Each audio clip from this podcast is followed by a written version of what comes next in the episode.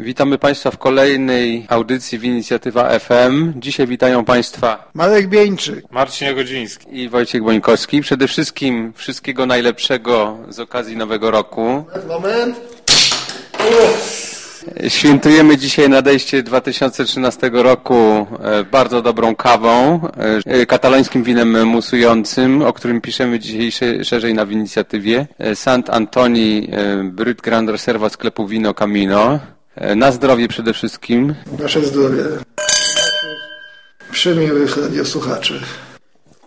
Bardzo dobra alternatywa dla szampana. Polecamy to wino w cenie 70 zł, idealne na świętowanie Nowego Roku. Więcej szczegółów na w inicjatywie. A dzisiaj rozmawiamy na dwa tematy. Pierwszy to podsumowanie roku 2012.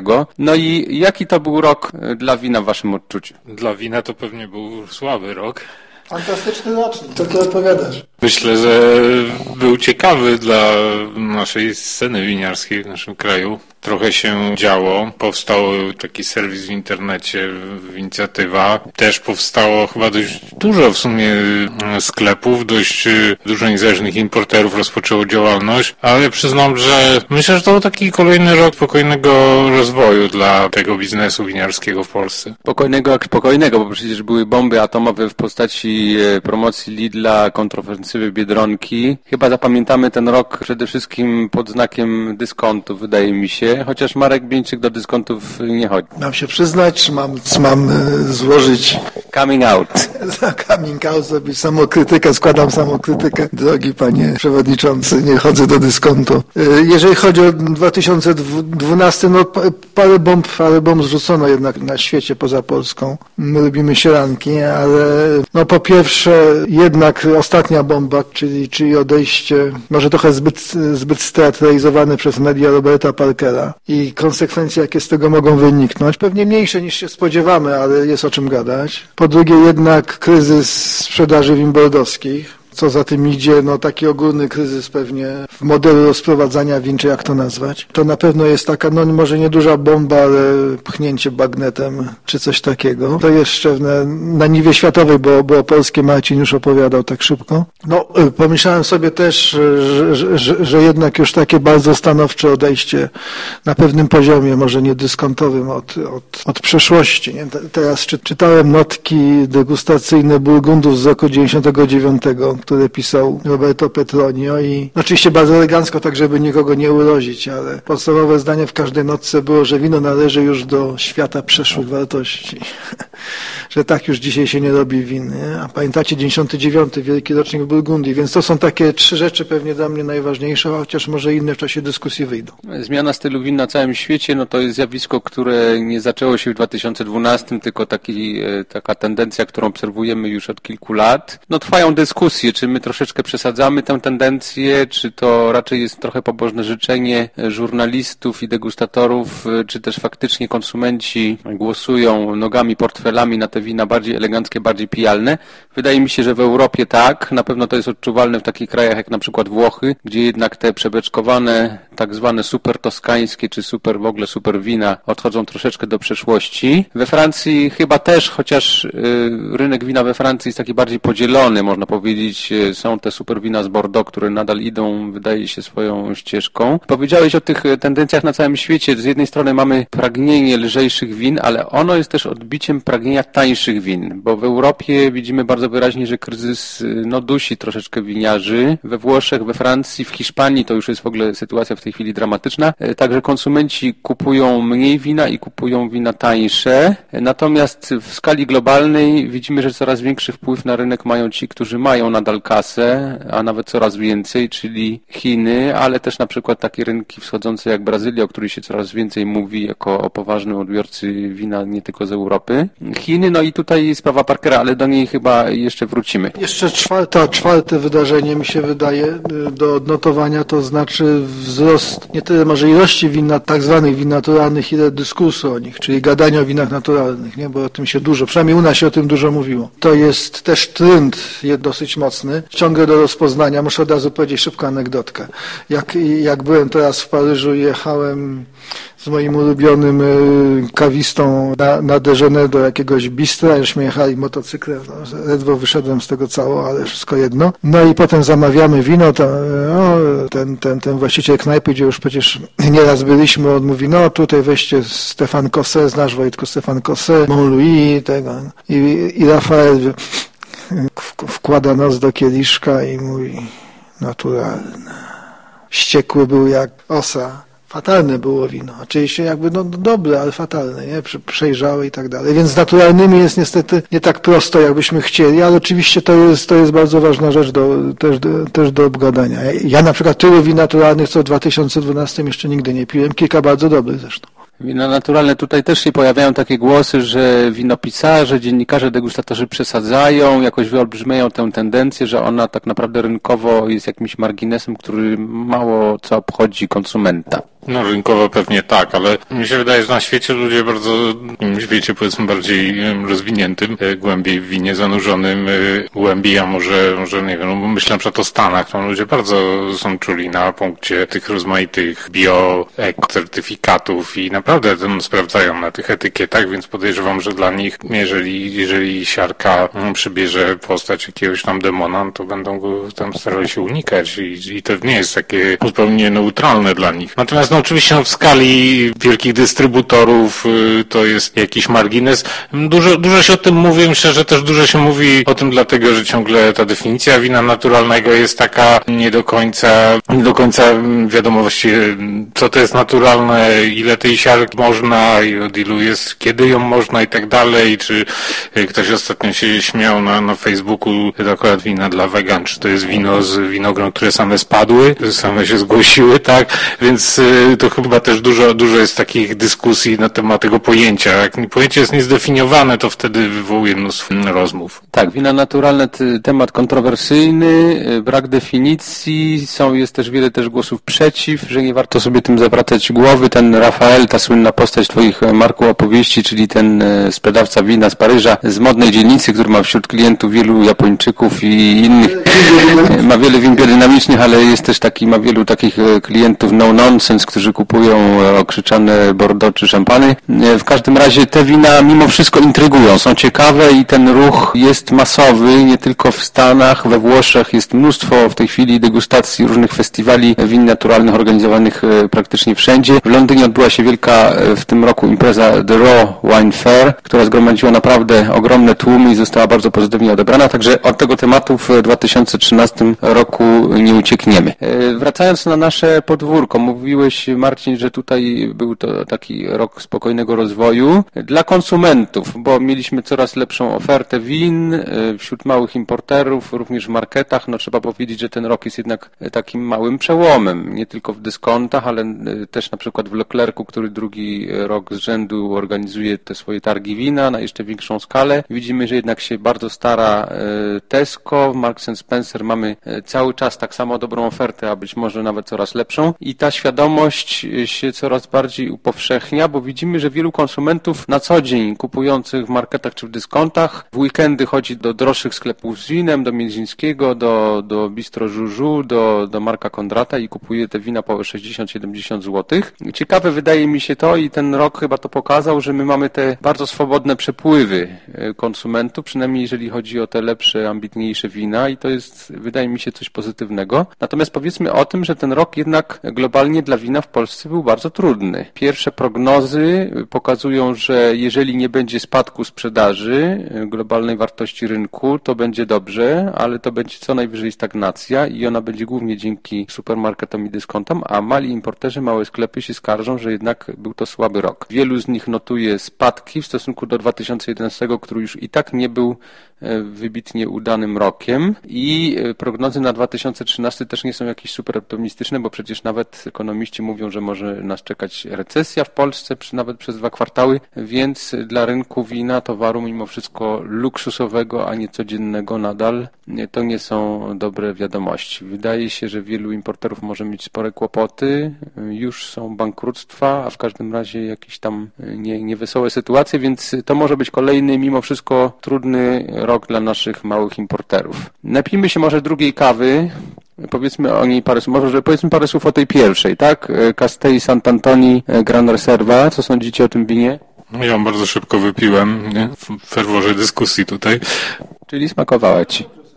Druga, którą dzisiaj pijemy, to Maria Casanovas. To bardzo znana kawa, jeden w tej chwili z takich bardziej medialnych, okrzyczanych e, producentów tego musującego wina z Hiszpanii. Ta pierwsza dobra, troszkę ma ładny atak, ale przyzwoite wino w tej cenie zamiast szampana.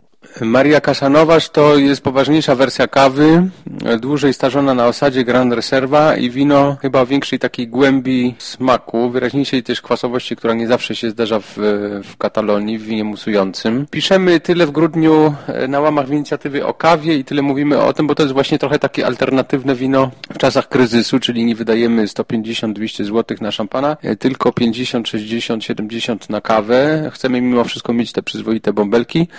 Chociaż koneserzy to tak nie przepadają za kawą, tak? To jest takie wino, które jakby dochodzi do pewnego punktu i dalej już nie za bardzo.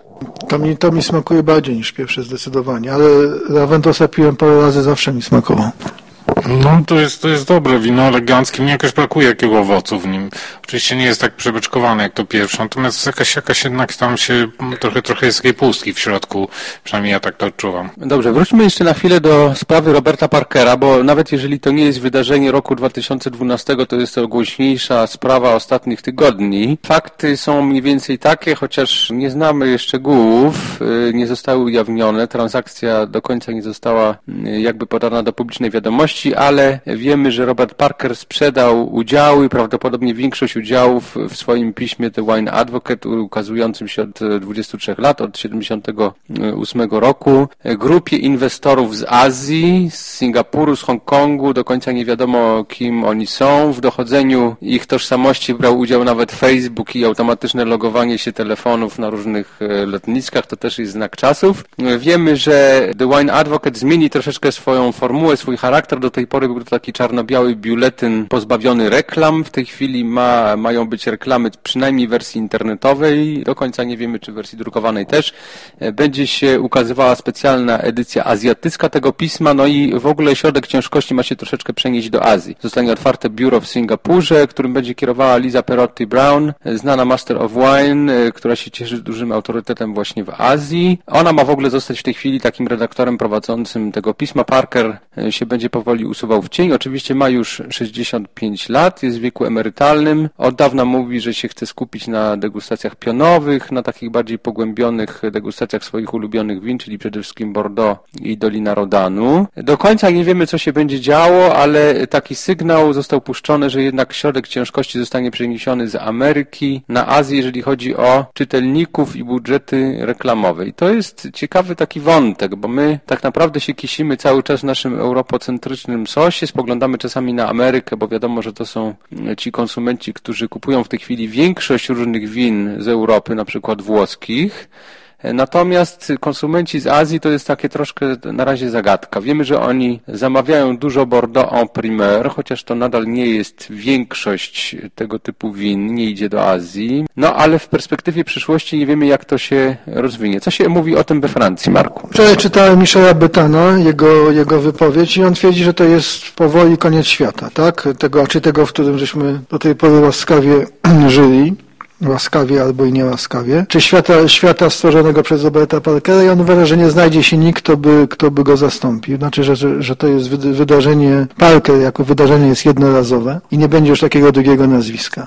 Czy to dobrze, czy źle? Ktoś taki jak Betany, czyli, czyli mały Parker francuski się śmieje, nie? Że chichocze się śmieje w kułak czy nie w kułak, ale to oczywiście dla niego jest, to dla niego zawsze był humbug i, i już. Natomiast no, inni twierdzą, że, że siła jakby marki jest taka, że coś musi powstać, że, że rynek nie wytrzyma próżni i że, kto, i że to się jakoś musi zapełnić i że już jest parę nazwisk, które, no, które są gotowe poświęcić się i, i złożyć swoje nazwisko na ołtarzu prawdy. Tych, tych, nazwisk, tych nazwisk nie znam, nie, nie sądzę, żeby to były jakieś nowe nazwiska, nie? To, to, to, to raczej spod tych, które już degustują, miałoby wypłynąć. Ja też to trochę wątpię, podobnie jak Betan, tym bardziej, że samą, samo, sama nazwa Wine Advocate jeszcze nie jest zbyt, nie, nie jest tak mocna, nie wszyscy to kojarzą nawet z Parkerem, nie? I jeżeli to będzie, będzie ogłoszone, że, że Wine Advocate coś daje, to nie wiem, czy to będzie miało aż taką, tyle, tyle punktów, aż taką siłę przebicia, jak, jak, jak nota Parkera, nie? Że to będzie mniej więcej tej samej wartości, co Wine Spectatora, czy, czy coś takiego, więc oczywiście sam, sam jestem ciekawy, no póki on degustuje Bordeaux, no to, no to nie ma, nie ma sprawy. Natomiast też jest chyba, wydaje mi się już dosyć jasno od paru lat, że, że, że jego wpływ jest troszkę mniejszy niż był kiedyś, nie? że jednak już od paru lat ci dziennikarze, znaczy jakby od paru lat być może ważniejsze od zdania Parkera, przynajmniej w Europie, no nie, no pewnie w Ameryce nie i w Azji nie, ale w Europie już ważniejsze niż, niż zdanie Parkera jest raczej ogólna opinia o roczniku, podczas gdy wcześniej było, ważniejsza była opinia Parkera niż opinia ogólna. Wydaje mi się, że od paru lat już jest troszeczkę inaczej. Nie wiem co będzie, ale no jednak gdyby Parker miał całkowicie odejść, no bo wtedy dopiero będziemy coś mieli gadać, no to, no, do, no to będzie rzeczywiście coś niesamowicie ciekawego, no bo nie ma dziedziny życia, w której jeden człowiek by decydował o, o takiej skali zjawisk, jak, jak on decydował. Być może na jakimś etapie rozwoju rynków y, taki Parker się musi pojawić y, i może właśnie Azja jest teraz na takim etapie, jak była Ameryka, kiedy przyszedł, przyszedł Parker mm, i on po prostu to wyczuł, tak, że teraz oni potrzebują takiego bardzo mm, jasnego wskazówki, bardzo podanej w przystępnej formie dwóch cyfr. Tam panowie inwestorzy, jak oni się nazywają, Kim On Song, Kim On Song i drugi. Kim jest sam chyba, nie? Kim On Song i gdzie on jest, tak, i oni teraz potrzebują, oni są rozkochani w numerkach, więc ja myślę, że to jest może właśnie taka, taka że teraz właśnie Chiny są na takim etapie trochę jak, jak Stany, tak? Niż lat temu, że oczywiście sadzono winorość w Kalifornii trochę wcześniej niż na większą skalę, tak? Przynajmniej niż w Chinach było to bardziej dostępne, natomiast natomiast no teraz to jest właśnie miejsce dla Parkera, dla prostych not. Czy, czy jego znaczenie osłabnie? Widzę, jak, jak są wina sprzedawane, no wina są sprzedawane punktami, to już do, nawet dość małym drukiem czasami jest podane, kto te punkty przyzna przyznał. Ja tak widzę, że jest podane 90 plus i potem tam trzeba się do, do, doczytywać, czy to One Spectator, czy to, czy to Parker, czy to kto, ktokolwiek jeszcze inny, tak? Że tam go trochę przerósł, jak mi się wydaje, że on stworzył taki system, pod którym jego podpis jest coraz mniej ważny, bo ten system zaczął żyć własnym życiem i, i to sobie tak funkcjonuje. No cóż, no tak, tak się przesuwa środek ciężkości świata w kierunku daleko wschodnim. To jest kwestia, czy, czy, czy te rynki azjatyckie, chińskie przede wszystkim zadowolą się jakimś jakimś wam bum bum, który się okaże najważniejszy dla nich autorytetem, czy jednak będą potrzebowali białego człowieka w tweedowej marynarce, który będzie sankcjonował punkty i, i rozdawał róże i gówna? No akurat ta marynarka Parkera to nie był jakiś chyba punkt odniesienia, przynajmniej modowy. Noszona tweedowa marynarka, wytarta na łokciach, z dziurami od, od alkoholu, który wiesz, źle wypruty mu niszczył broka, czy co tam. No to tak rozumiem, że hasłowo i poetycko to traktujemy. Jeżeli chodzi o punkty, no to ja myślę, że pozostaną RP90 Robert Parker Points, nawet jeżeli ktoś się będzie inny przyznawał, no bo de facto już ten system tak funkcjonuje. Już od dawna przecież wina na przykład włoskie czy hiszpańskie nie są oceniane przez Parkera, nadal się mówi o punktach Parkera dla tych win, więc pewnie jako marka to się jakoś tam upowszechni. To co powiedziałeś Marcin, to w zasadzie przypomniało mi taki felieton Erika Asimowa w New York Timesie, gdzie on po tym, po, po, w parę dni po tym ogłoszeniu tych zmian w Wine Advocate napisał, że to było nieuniknione, bo w Ameryce, tak jak powiedział Marek, już Parkera się coraz mniej słucha i już tylko w Azji się patrzy na niego tak nabożnie, jak on gdzieś w Europie i w Stanach, więc to była ostatnia chwila dla Parkera, żeby zmykać do Azji, bo jeszcze tylko tam y, jego zdaniem się będą tak bardzo mocno liczyli, czy ze, znaki, ze zdaniem w ogóle Wine Advocate. Wydaje mi się, że jednak tak jak mówił nasz idol Marx, historia się jednak nie może powtórzyć w takiej samej formie dwa razy, więc y, Parker nawet jeżeli pozostanie bardzo wpływowy w Azji, w Chinach, ale też są przecież inne rynki bardzo ważne y, w tej chwili jeszcze tam schowane, ale będą coraz istotniejsze, tak jak Korea czy, czy Wietnam, czy Indie, które się stają też coraz większym konsumentem wina, nawet jeżeli będzie tak bardzo wpływowy, to jednak to już nie będzie taka sytuacja jak wczesne lata 80. w Ameryce i w Europie, bo wtedy sytuacja była inna, nie było innych tak naprawdę autorów e, piszących o winie, którzy byliby tak bardzo słuchani. Tylko w Anglii były postacie tego formatu, co Hugh Johnson, potem Jancis Robinson, ale we Francji na przykład w owym czasie nie było takiego krytyka wiodącego, dopiero potem tak naprawdę się pojawił na przykład Betan. Podobnie było w innych krajach. Natomiast dzisiaj mimo wszystko konsumenci na przykład chińscy będą obcowali z dużym pluralizmem ocen. Nawet jeżeli e, bardzo duży będzie autorytet Parkera, czy tego, co nastąpi po nim, e, to jednak bardzo łatwo będzie sięgnąć po inne opinie i internet to bardzo ułatwia, którego wtedy w 80 latach nie było, więc jednak ten biuletyn Parkera miał wtedy o wiele większą e, siłę rażenia. Więc wydaje mi się, że jednak obcujemy w tej chwili z, już nawet nie z początkiem końca tej ery wielkiego wpływu jednego autorytetu i że jednak ten, to, co nastąpi, to będzie okres takiego większego pluralizmu, takiego większego demokratyzmu ocen. No, też bym tak się spodziewał. Też nie sądzę, żeby, żeby jedno nazwisko zostało zastąpione drugim. I, i no, oczywiście jest kwestia siły marki. To już powtarzamy trzeci raz dzisiaj. Kiedy, kiedy um, umierała Coco Chanel, czy tam Christian Dior, y, czy Christian Dior, ktokolwiek z tych wielkich rodzin y, tworzących rynek mody, no to wtedy było jasne, że marka będzie trwała dalej, tak? I, i de facto publika nie robi, nie robi różnicy między Diorem dzisiejszym a Diorem sprzed 40 lat. To Dior pozostaje Diorem. W przypadku wina będzie, no zobaczymy, to będzie o wiele trudniejsze to, oczywiście do przeprowadzenia. Profesor mówi, że to zostanie LP i ileś punktów jest dosyć dobrym pomysłem nawet dla nich, dla chińskich inwestorów, żeby, żeby tak to rozwiązać, nie? Bo, no bo to jest takie, takie może najbardziej rzeczywiście, no jakby no, tradycja zostanie, zostanie zachowana, ale, ale no, na razie ocenia Bordeaux i to jest i jeszcze sobie pożyje, jeszcze sobie poocenia. Tak, chociaż przecież już ma swoją prawą rękę, był nawet kreowany na jego następcę, no tak się nie stało Neil Martin i znam wielu konsumentów, którzy nawet dużo wydają na Bordeaux, którzy bardziej się na przykład w tej chwili kierują cenami Nila Martina, uważają, że są bardziej e, pogłębione, więc już jest też taki, e, doszło do takiego troszeczkę pluralistycznej zmiany ewolucji w obrębie samej stajni Parker. Jeszcze wracając do tej Azji, to myślę, że oni jednak mają takie, czerpią oczywiście wzorce właśnie z Ameryki, z Europy, ale to tak jak trochę nie jak z piłką nożną, czasem kibicują Manchesterowi, e, znają pewnie Arsenal i tak dalej. Ten, to, że gra tyle europejskich klubów, to trochę ma mniejsze dla nich znaczenie. No, jest, jest taka marka, która jest strasznie silna, strasznie silnie związana właśnie z, czy z europejską piłką, czy e, z powiedzmy krytykiem winiarskim i, i ci na razie drugoligowi krytycy to będą mieli duże problemy z zaistnieniem tam, bo, bo dla nich to będzie, no to, to są takie jakieś rzeczy, nie wiem, no jak nam się kojarzy pewnie jeszcze, nie wiem, Mercedes z luksusowym samochodem, chociaż jest tych marek ileś tam, czy, czy im się kojarzy w ogóle Bordeaux z winem tak markowym też to nazwijmy, tak? Bordeaux, Bordeaux każdy, każdy wie. No tak, bo jednak ten, ten import, import chiński Bordeaux w ostatnich 10 latach nie był aż tak, aż tak mocno związany z ocenami Parkera, był związany z pewnymi przyzwyczajeniami i skojarzeniami. Wiadomo, że na przykład Chateau Bechevel w 85% się sprzedawał w Chinach i, i, i miał fantastyczne ceny. Z powodu chyba tej łódeczki na etykiecie, tak? Czytałem kiedyś taką analizę. Tak, z powodu, z powodu tam jakichś skojarzeń, których w tej chwili nie potrafię sobie odtworzyć, dlaczego im się ta etykietka spodobała. Wiadomo o Laficie i tutaj bez, a Beżwer nie był nigdy wysoko oceniany, prawda? 88 punktów dostał, tam 8 jest, jest taką szczęśliwą liczbą i, i, i może dlatego.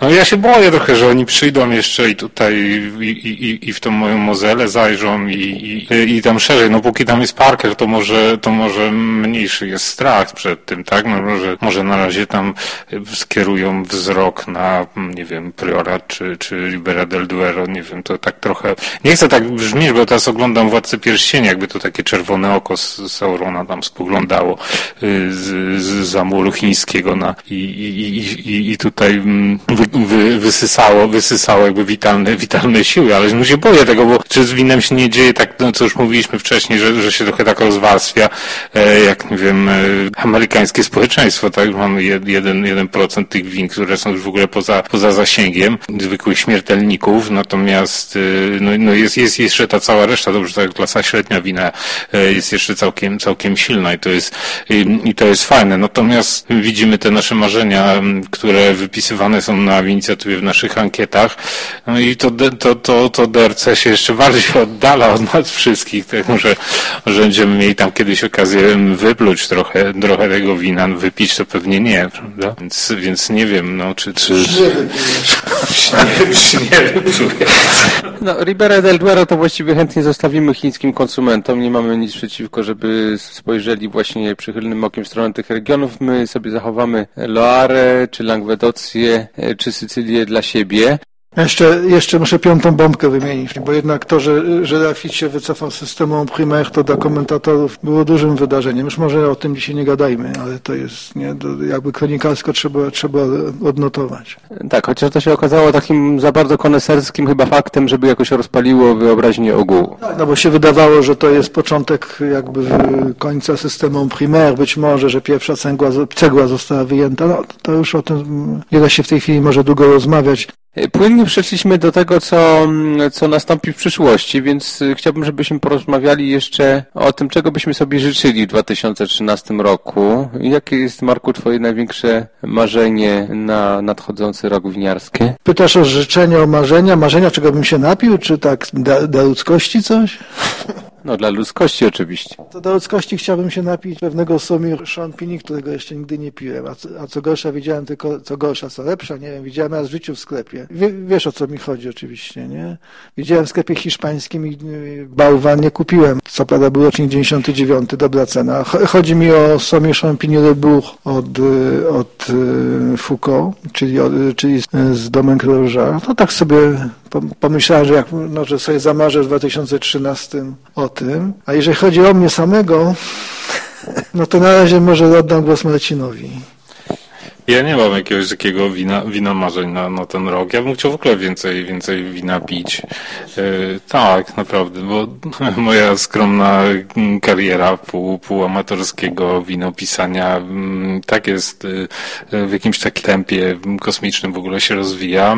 To polega na tym, że wiem, zaczynałem wypluwać wino za 100 zł, tydzień później za 200, dwa tygodnie później za 500 mm, i tak mm, jakby chciałbym e, trochę wrócić do picia wina i do wypluwania. Poczułem jakby, e, że to jest z jednej strony bardzo fajne, a z drugiej strony bardzo niefajne. Jest pewnie dość sporo osób, które tak się też czują w różnych zawodach. Nie wiem, kom komentatorzy pewnie sportowi, że idą na mecz, ale właściwie go nie mogą oglądać. Nie wiem, fotografowie na sesjach Playboya, nie wiem chirurdzy, bo jednego dnia kroją nogę, drugiego już się dobierają do ważniejszych narządów. A właśnie Wojtuś, co ty byś życzył? Bo...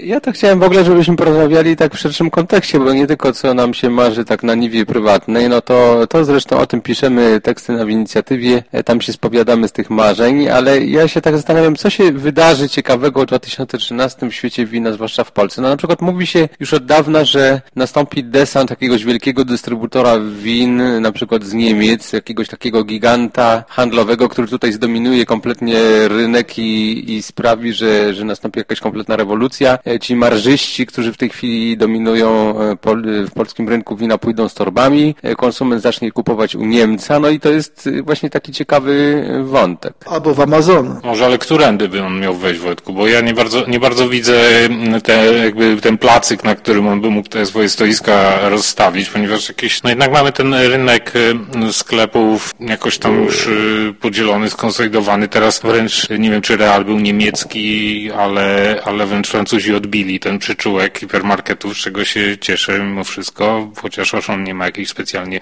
fascynującej oferty, to zawsze było, jest to lepsze niż to, co, to, co było w realu, więc jakby tu tutaj nie widzę, no nie wiem, przejęcie jakiegoś dużego dystrybutora być może, ale nie ma, nie ma takich sieci y, dystrybucyjnych. Jest, jest jedna sieć, tak Biedronka, jest, jest sobie Lidl, który no, mm, wyżej nie podskoczy chyba y, tego San Emilion ostatniego, Więc y, jakby ani się tego nie obawiam, ani się tego nie, niespecjalnie, niespecjalnie spodziewam. Y, moim marzeniem by było to, żeby właśnie, nie wiem, hipermarkety francuskie równały do, do tego Leclerca na Ursynowie, o którym tu opowiadamy. Zawsze mówimy tak Leclerc, jak wszyscy wiedzieli, że to, o który Leclerc chodzi, żeby Biedronka nie spuściła stąd, bo uważam, że to jest bardzo dobre, co robi, zwłaszcza, zwłaszcza no, tak powiem, na niwie win y, portugalskich. Mają tam fajną ofertę, co pewien czas wprowadzają coś naprawdę pijalnego, coś, co ludzie gdzieś naprawdę cieszą tym, że kupili sobie takie wino, na które ich stać. Y, cieszy ich zarówno to wino, jak sam fakt picia wina i na przykład fakt wypicia, nie wiem, dwóch win, czy trzech win większej, większej kompanii. Myśleli sobie, że kiedyś to jedno wino pieczą czołowicie otworzą i będą się, się cieszyć, będą zachwyceni, że w ogóle, w ogóle piją, piją wino, tak? Jest bardzo, bardzo fajne. Chciał, żeby Biedronka się nie wycofała. No, Lidl to niech się ściga z Biedronką, bardzo dobrze. Oczywiście byłoby też miło, żeby taka mm, ciężka łapa tego wada nie zgniatała mniejszych, mniejszych importerów, no ale tutaj to jest po prostu coś takiego jak, nie wiem, no, i mrówki w jakiejś sawannie, przez którą co pewien czas słoń sobie przejdzie, którędy będzie chciał przejść przejść, tak? Nie będzie się przejmował. No tak, to jest trochę taka sprzeczność tą Biedronką, bo z jednej strony chcemy, żeby ona zdominowała kompletnie rynek, z drugiej strony się podniecamy takim grand derby winiarskim troszeczkę, Lille kontra Biedronka, czy to, czy to wygra w tym kolejnym meczu Lille 2-0 czy 3-0, bo tam przywali tymi e, Cru Bourgeois z Bordeaux. I potem czekamy na ten, na ten lewy sierpowy Biedronki, żeby tam jakoś odpowiedziała. Jest, są to jakieś emocje, no na rynku supermarketowym w ogóle trudno jest to emocje, prawda, raczej chodzi o jakąś taką pracę organiczną, bardzo nudną u podstaw, która trwa cały rok, więc jak się coś tam dzieje w ringu, to, to zawsze jest coś ciekawego. No dobra, to nie jest mój sport, więc o czymś innym powiem. Tak, tak sobie myślę, bo, bo, no bo jak jedziemy za granicę, przynajmniej jak jadę za granicę do tego Paryżowa, no to jednak co piję? Piję wina za 10 euro, nie? To krótko mówiąc średnią półkę. I to jest nie tego, że oszczędzam akurat, bo może mógłbym mi za, za, za 25 kupić, tylko że to mi smakuje. Pewnie takim moim postulatem na 2013 do naszego kraju nieszczęsnego byłoby, żeby więcej win, właśnie więcej win ze średniej półki w dobrych cenach dla klasy średniej, którą jesteśmy wszyscy pijący wino mniej więcej, tak, tak to trzeba ująć. Jeszcze więcej dobrych win na średniej półki. Jest za mało dobrych win ze średniej półki, czyli, czyli takich, które, których nie trzeba wypić w trzy miesiące po, po zakupie, czyli tak, tak zwanych nie, owocowych, czysto owocowych, do szybkiego wypicia picia. Nie ambitnych, najlepszych win, które w posiadłości wypuszczają, żeby pokazać, jakie są piękne, bo w wielu przypadkach to są wina nie do picia po prostu. Nigdy nie są gotowe, zawsze za młode albo już za późno. Mają niewtopione garbniki i tak dalej. Tak ale, ale wina, które ze średniej półki, które są taką jakby no, na, najbardziej czystą ekspresją tego, co można na winnicy może zrobić. Ale, ale u, nas są, u nas są drogie, bo u nas średnie, takie wino, o którym myślę, nie? no to jest 80 zł, a nie 45. Piłem sino od Bodiego, ono jest w Polsce?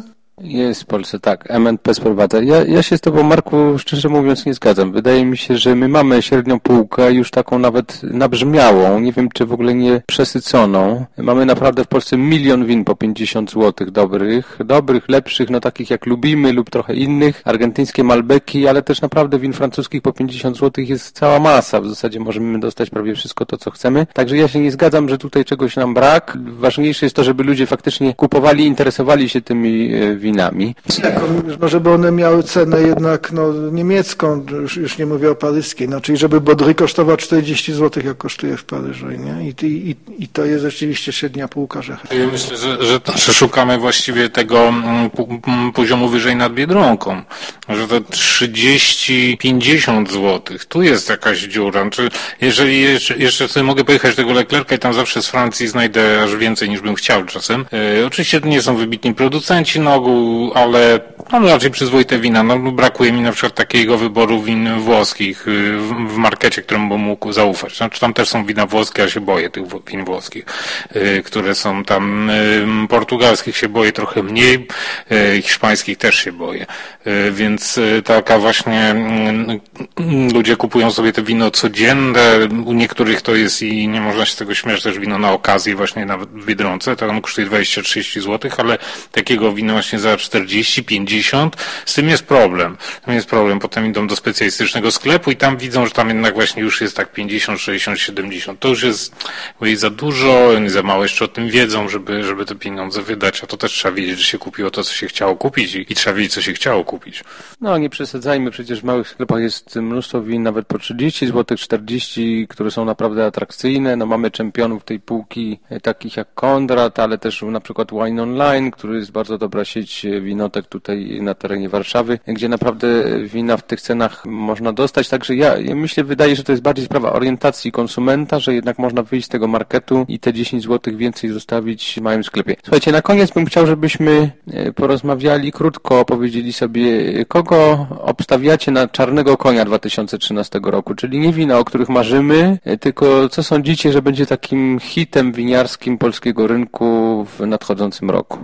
Ja na przykład stawiam, że to będzie rok Chorwacji, to jest kraj, który wchodzi do Unii w 2013, do którego już Polacy jeżdżą, myślę, że można powiedzieć masowo, który naprawdę produkuje dużo ciekawych win, kompletnie nieobecnych w Polsce, poza jednym czy dwoma sklepami. I myślę, że tutaj jest y, duża dziura taka do zasypania, jest nisza do, do zagospodarowania i sądzę, że Chorwaci, którzy naprawdę y, też komercyjnie, handlowo dobrze umieją pozycjonować swoje wina, są bardzo sprawni w tym, są obyci, bo na co dzień obcują z turystami, którzy mają rozmaite wymagania, potrafią je zaspokoić. Sądzę, że za rok będziemy mieli w Polsce 10 razy więcej win chorwackich niż mamy dzisiaj i to będzie naprawdę podniecająca propozycja. Ja nie wiem, nie potrafię znaleźć takiego, takiego kraju. Mogę tylko popolemizować z tobą, że jakby tutaj kupowanie wina tak mało egzotycznego, to nie wiem, to nie, będzie stanowiło jakiej wielkiej atrakcji. W końcu taki Chorwat, to nie wiem, no tak prawie jak Czech, no. Może trochę bardziej po... Prawie jak Włoch. No ja myślę, że ciągle czeka na odkrycie, na odkrycie Cordion, nie? bo to jednak jest region naprawdę porządnie, robią, porządnie robiący wina za parę euro i, jest wiele dobrych Cordion ostatnio, to, no, to o tym wiadomo, nie? O tym się pije od 10 lat, a u nas ciągle tego jest dosyć mało, więc może to, ale... Cordion jest, jest, jest względnie popularny, tak bym powiedział, na takiej półce, znaczy jest taka jedna, jedna pękata butelka, którą zawsze mm, wszyscy wybierają spośród tych dziesiątek w tym Leclercu, właśnie za, zawsze to widzę, że oni widzą to tu jest półka z Code ale nie ma tego, tego jednego, który przyciąga wzrok.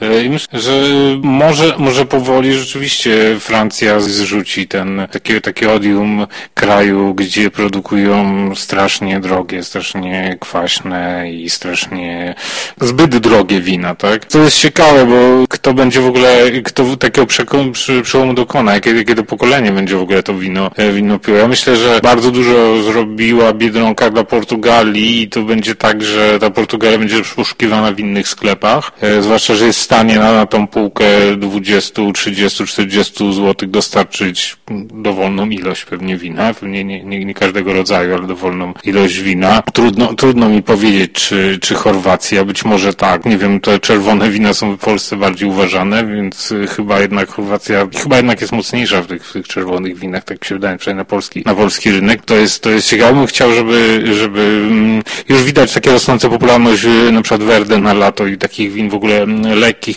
Bo to jest, jest jeszcze taki rynek, który, nie wiem, który kiedyś pił Lieberfraumisch, takie rzeczy, prawda? Może oni też poszukują takiego lekkiego winka. Może Moscato, Moscato za drogie pewnie. Słuchajcie, a mówiąc o winie marzeń, no to przecież Marek masz tutaj dla nas coś, bo przygotowałeś y, bardzo specjalne wino na pożegnanie z rokiem 2012. To nalej i powiedz parę słów przyjemy wino, które rozlano nie tak dawno temu, w 2004, po 30 latach pobytu w beczce dużej, ogromnej w Kadzi. Otworzyłem je przedwczoraj, strasznie się mordowałem, bo mi się korek rozkruszył, więc, więc przepraszam. Czyli jako słynny konserwatysta na 2013 rok proponujesz wino z 75 rocznika, czyli Maderę. Maderę Terantes, odmiana trochę zanikająca na Maderze ze względu na to, że jest trudna w uprawie, ale dająca bardziej kwasowe, bardziej wytrawne wina niż reszta, reszta szczepów maderskich. Zabutelkowany nie, niedaleko miejsca, w którym marszałek Piłsudski się leczył i romansował ze swoją opiekunką, jak wszyscy wiemy. Podobno także niedaleko miejsca, gdzie umarł Władysław Warneńczyk. To jest mniej sprawdzona wieś. To był akcent polski, jakby powiedział Dariusz Szpakowski. To wino, kiedy tam byłem, kiedy tam byłem między innymi z Andrzejem Daszkiewiczem, smakowało nam bodaj najbardziej ze wszystkich win maderskich, które żeśmy degustowali na miejscu. Może Andrzej ma jeszcze całą butelkę, proszę zanotować to w pamięci. Mieliśmy też okazję kupić z Andrzejem, ale żeśmy się niestety zbłaźnili. Nie po raz pierwszy w życiu. Rocznik 1832 bodajże, który był rozlewany na naszych oczach. Na naszych oczach mogliśmy kupić butelkę za 200 euro. Czyli 170-letnią butelkę. Niestety poskąpiliśmy i bardzo za to wszystkich przepraszam.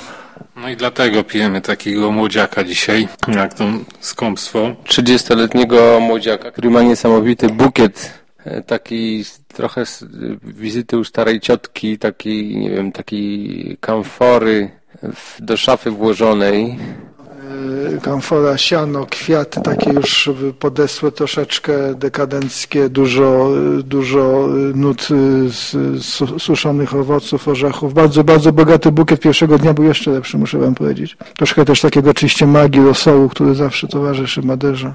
Czyli wina bardzo w stylu Marka Bieńczyka. Proszę Państwa, apelujemy na koniec roku, bo jeszcze Sylwester przed nami. Zróbcie sobie przyjemność, y, otwórzcie w ten dzień albo w nowy rok coś naprawdę y, specjalnego, butelkę, o której marzycie. Marzenia są po to, żeby je spełniać. Żegnamy rok 2012, witamy 2013, żegnamy się również y, z Państwem, życzymy wszystkiego najlepszego. Marek Bieńczyk, wszystkiego dobrego. Marcin Jagodziński, nie przechowujcie żadnych butelek na 2013. Zapasy to nie nie jest dobry pomysł. Wypijcie, co jest do wypicia i otwórzcie się na następny rok, będzie fajnie. W 2013 też zapowiadają koniec świata. Pozdrawiamy Państwa serdecznie. Mówił Wojciech Bońkowski, który audycję zrealizował.